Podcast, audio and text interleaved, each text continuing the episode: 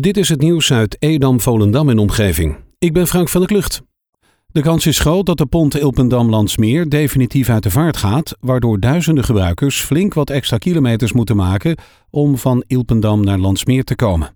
Dat meldt het Noord-Hollands Dagblad. Landsmeer is formeel eigenaar van de pont en steekt er jaarlijks 67.000 euro in. Gemeente Waterland draagt jaarlijks 46.000 euro bij aan de verbinding over water. Beide gemeenten staan er momenteel financieel slecht voor en moeten flink bezuinigen. Het niet meer hoeven opdraaien voor de jaarlijkse kosten van de pont zou daarom meer dan welkom zijn.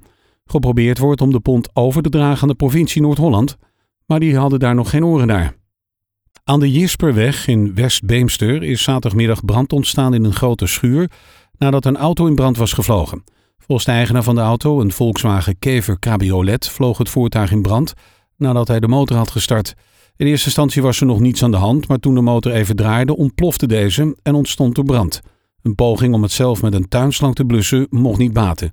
Toen de brandweer ter plaatse kwam, viel de loodsal niet meer te redden. Wel kon worden voorkomen dat de vlammen oversloegen naar een naastgelegen woning.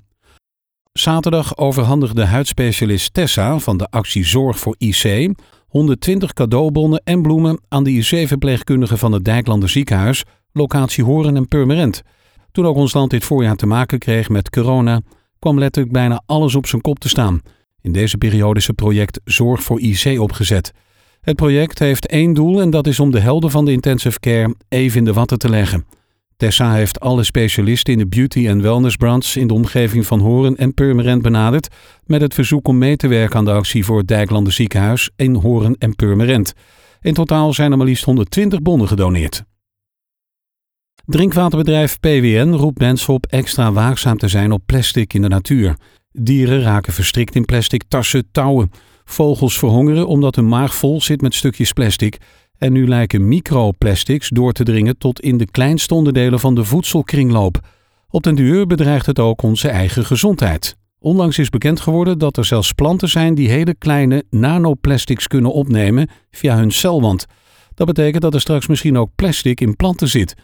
Planten die wij eten of die gegeten worden door kippen, varkens en koeien. Langs de Zettenweg wordt een extra rijstrook aangelegd voor de bussen van Inet. Dit om een betere doorstroming van het busverkeer mogelijk te maken.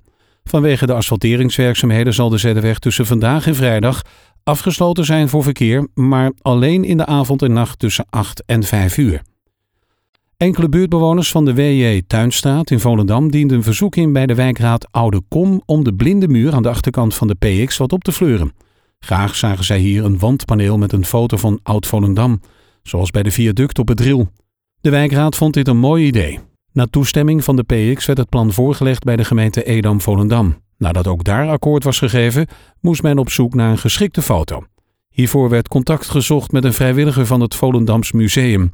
Zij hadden de juiste foto voor de muur. De officiële onthulling vindt aankomende 25 september plaats. Gisteravond zijn vier mannen aangehouden nadat ze probeerden weg te komen na een aanrijding. De mannen zijn bij de politie bekend om ernstige zaken. Het ongeluk gebeurde toen een auto vanaf de A8 de A7 opreed en daar hard in botsing kwam met een Mercedes, die ook heel hard reed. Beide auto's raakten beschadigd bij het ongeval. De bestuurder van de Mercedes ging er vandoor, zijn passagiers bleven bij de auto achter. Zij ontkennen alle vier dat zij de auto bestuurd hadden. Jan Smit is de uitdaging aangegaan om een hiem te maken voor de keukenkampioen-divisie. Hij schakelde hiervoor de hulp in van de Marcel Visserband, Robert Muren, Ralf Seuntjes en Frank Korpershoek. Samen kwamen zij tot een lied wat vanaf voorafgaand aan elke voetbalwedstrijd in de keukenkampioen-divisie te horen zal zijn. Het is een begrip in Volendam en daarbuiten de kermis. Het volksfeest kon dit jaar niet doorgaan, maar desondanks ging het weekend niet geruisloos voorbij. De politie moest vrijdag twee illegale thuisfeesten waarbij dronken jeugd rondliepen afbreken. De burgemeester van Edam, Volendam, Lieke Sievers, liet aan NH Nieuws weten dat ze desondanks tevreden zijn over het verloop. Op een aantal uitzonderingen na is het goed gegaan. Er zijn voor de kermis goede afspraken gemaakt met horeca, ondernemers en bewoners. Om te voorkomen dat het ondanks de maatregelen toch uit de hand zou lopen, werd er fors meer gehandhaafd. Het aantal BOA's werd verdubbeld en er patrouilleerden vier extra agenten. Tot zover het nieuws uit Edam, Volendam en omgeving. Meer lokaal nieuws vindt u op de Love Kabelkrant, onze website of in de app.